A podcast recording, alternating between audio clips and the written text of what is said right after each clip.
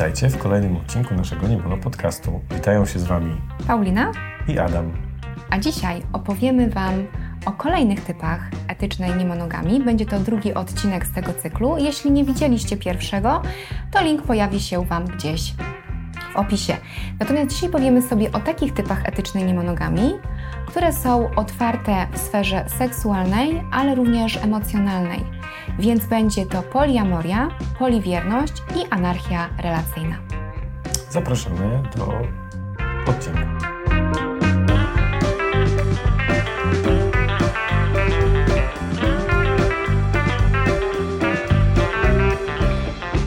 Poliamoria No właśnie. Jest. Co jest, jak powiedziałaś i zaskoczyłaś mnie troszkę, najbardziej popularnym, tak? No tak Typem. wynika z badań. No, jeśli czytałam jakiekolwiek artykuły dotyczące etycznej niemonogami Mhm. i tam badacze pytali o konkretny typ jakiś, albo na zasadzie pytań takich. Czy twój związek wyobrażasz sobie jako tylko i wyłącznie z jedną, jednym partnerem seksualnym, tak nie jak ludzie się tam określali? Mhm.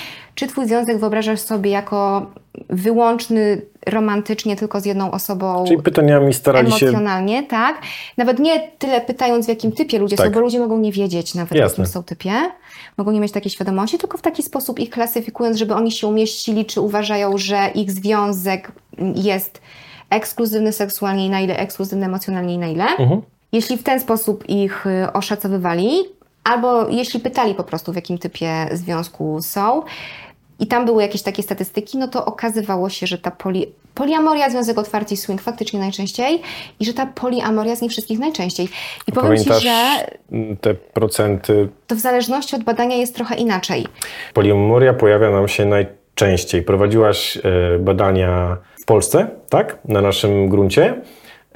Czy tam też ten wynik się jakby powtórzył? Niestety artykuł jest jeszcze w recenzji. Jeśli się już pojawił, to podlinkujemy go Wam. Robiłam badanie w Polsce i tam też pytałam ludzi o to, w jakim są typie y, niemonogami. Czasami oni mi pisali, czasami mieli z tym problem. To było pytanie otwarte, gdzie oni mogli po prostu mm, opisać, jeśli nie byli w stanie się sklasyfikować jako konkretny typ, opisać, co praktykują. W czym są, to ja to potem jakoś sobie klasyfikowałam. To, co ja na razie zrobiłam, to są bardzo wstępne badania, bo tam grupa osób etycznie niemonogamicznych to było takich, którzy zadeklarowali, że są w niej faktycznie, a nie tylko chcieliby ewentualnie.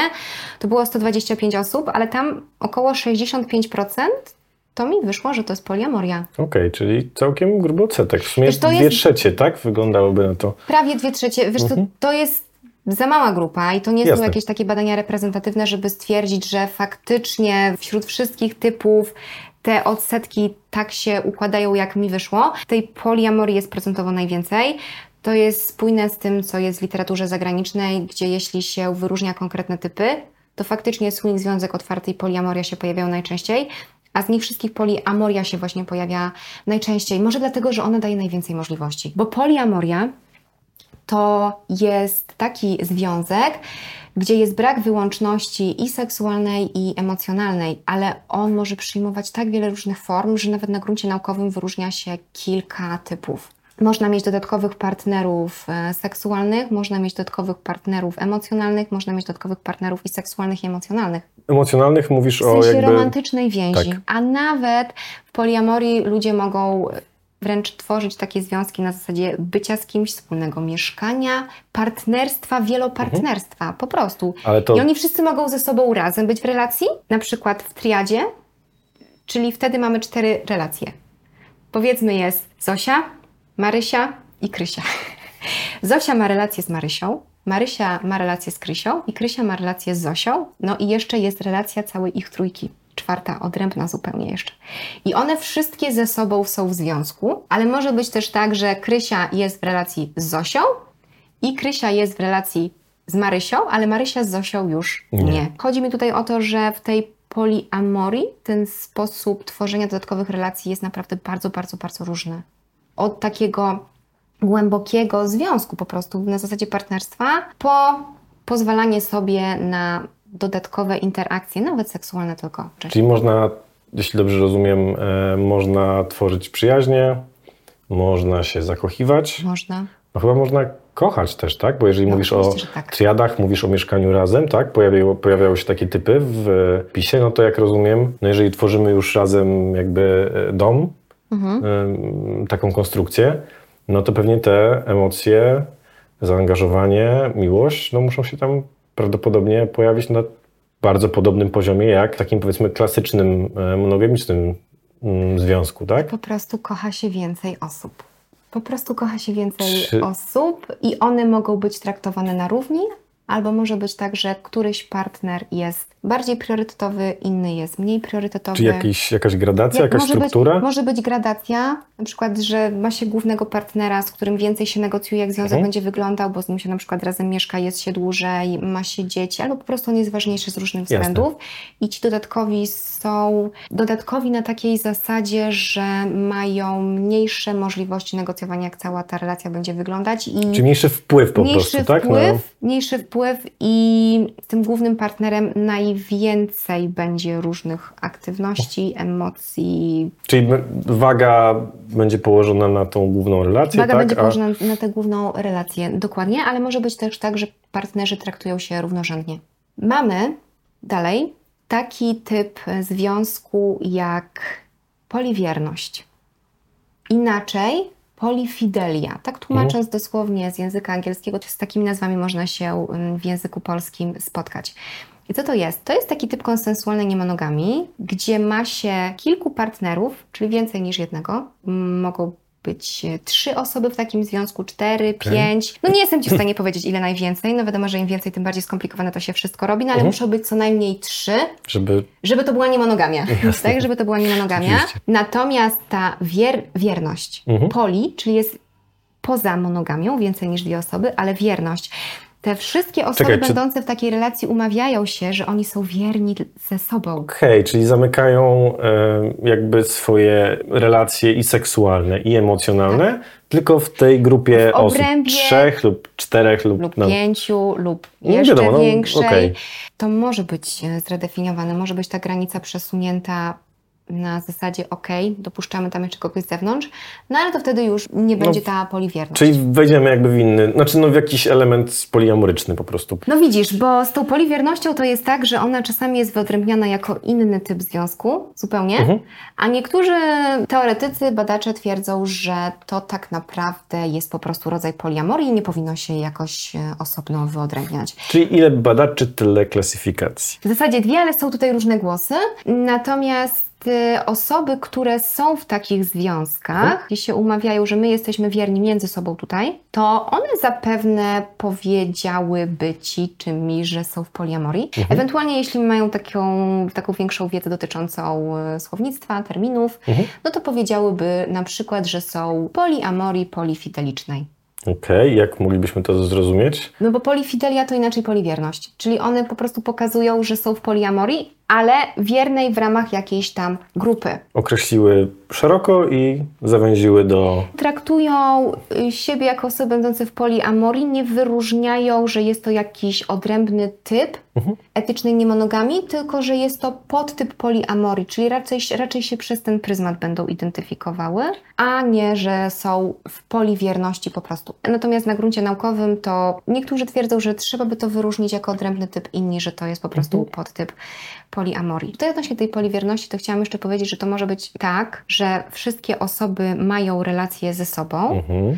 ale poliwierna będzie też taka relacja, gdzie jest y, Krysia Mhm. i Krysia jest w relacji z Michałem i jest w relacji również ze Zbyszkiem. Mhm. Zbyszek z Michałem nie są y, w związku, nie mogą się znać, mogą się lubić. Czyli mogą mieć tylko taką płaszczyznę koleżeńską, tak? Na Coś, przykład. coś takiego, Okej. ale umawiają się wszyscy troje między sobą, że oni są tylko ze sobą. Mhm. Nie spotykają się już z innymi osobami. Możemy jakby z tych osób po prostu wyłączyć jakiś element i to cały czas będzie poliwierność, tak? Czyli Tak. wyłączyć na przykład Nie element muszą być seksualny relacje albo między wszystkimi osobami seksualne i emocjonalne. ten typ charakteryzuje nam to, że nie wychodzimy Poza, poza, obręb tej grupy, w poza obręb tej jesteśmy. grupy. Tak, Już dokładnie. jakkolwiek ta grupa Więc nie są byłaby... wierni w ramach tej grupy. Okej. Wiemy już, jak wygląda poliwierność. E, Czy jeszcze jakieś typy nie, konsensualnej niemonogami możemy w ramach poliamorii wyłuszczyć? Czy... Wiesz co, w ramach poliamorii to po prostu będą różne konfiguracje e, jeszcze. Jeśli chcecie, dajcie nam znać w komentarzach, czy chcecie taki odcinek dokładniejszy o różnych sposobach tworzenia związków e, w poliamorii. Jeśli chcecie, taki będzie. Czy zostało nam coś jeszcze? Anarchia relacyjna.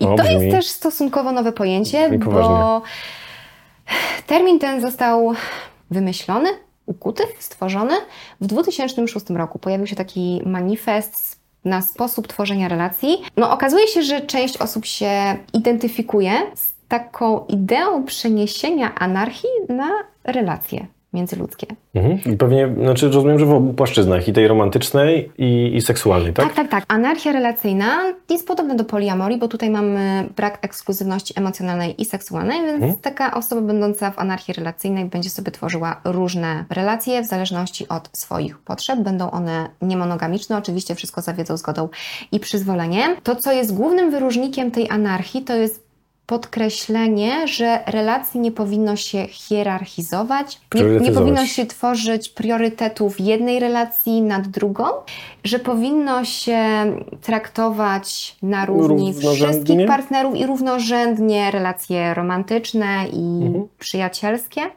Okej. W tej anarchii relacyjnej jest największy nacisk ze wszystkich tych typów etycznej niemonogami na autonomię, dbanie o potrzeby i swoje, i potrzeby tych osób, z którymi się wchodzi w relacje, nie zmuszanie nikogo do niczego, szanowanie autonomii każdej z tych osób. To dość ciekawe, bo jakby na pierwszy rzut e, ucha, na, na, na, na pierwsze spojrzenie na taki termin jak anarchia, no wydaje się on taki bardzo jakby dynamiczny i może mm, trochę mm, samolubny, negatywny w jakiś sposób, tak? A przynajmniej ja mam takie, może nie, nie, negatywny to nie jest najlepsze słowo, ale powiedzmy, że bardzo dynamiczny i niedookreślony, tak? No takie niedookreślone są te relacje, można by tak Mhm. Ale powiedzieć. mówisz, osoby żyjące w ten sposób bardzo mocno starają się dbać o granice wszystkich, Nikogo nie o- można do, do niczego zmusić, i nie tak. można oczekiwać od nikogo, że będzie zaspokajał Twoje potrzeby. No właśnie. Oczywiście w każdym typie etycznej niemonogami to dbanie o potrzeby i granice jest podkreślane, Jasne, ale, ale- tutaj jakby najbardziej. No w definicji jakby w pojawia się definicji to niemalże. się nie? pojawia, ale w tej anarchii relacyjnej ze wszystkich tych typów ten nacisk jest położony najbardziej na to. Nie powinno się od nikogo oczekiwać, że będzie zaspokajać Twoje potrzeby. Autonomia każdej osoby jest najbardziej ważna. Najbardziej ze wszystkich tych typów. Dziękujemy za poświęcony czas. W następnym odcinku będziecie mogli obejrzeć wywiad z osobą żyjącą w związku poliamorycznym. Żeby go nie przegapić, zasubskrybujcie nasz kanał, kliknijcie dzwoneczek. Oczywiście każdy like jest bardzo mile widziany. A dodatkowo możecie śledzić nas w naszych mediach społecznościowych. Linki znajdziecie w opisie pod filmem. Znajdziecie tam również link do odcinka, gdzie więcej opowiadamy o tym, o czym jest ten kanał i o nas, więc jeśli Was to interesuje, to również tam odsyłamy. Oczywiście sekcja komentarzy jest dla Was. Może chcecie się podzielić jakimiś własnymi doświadczeniami. Zapraszamy.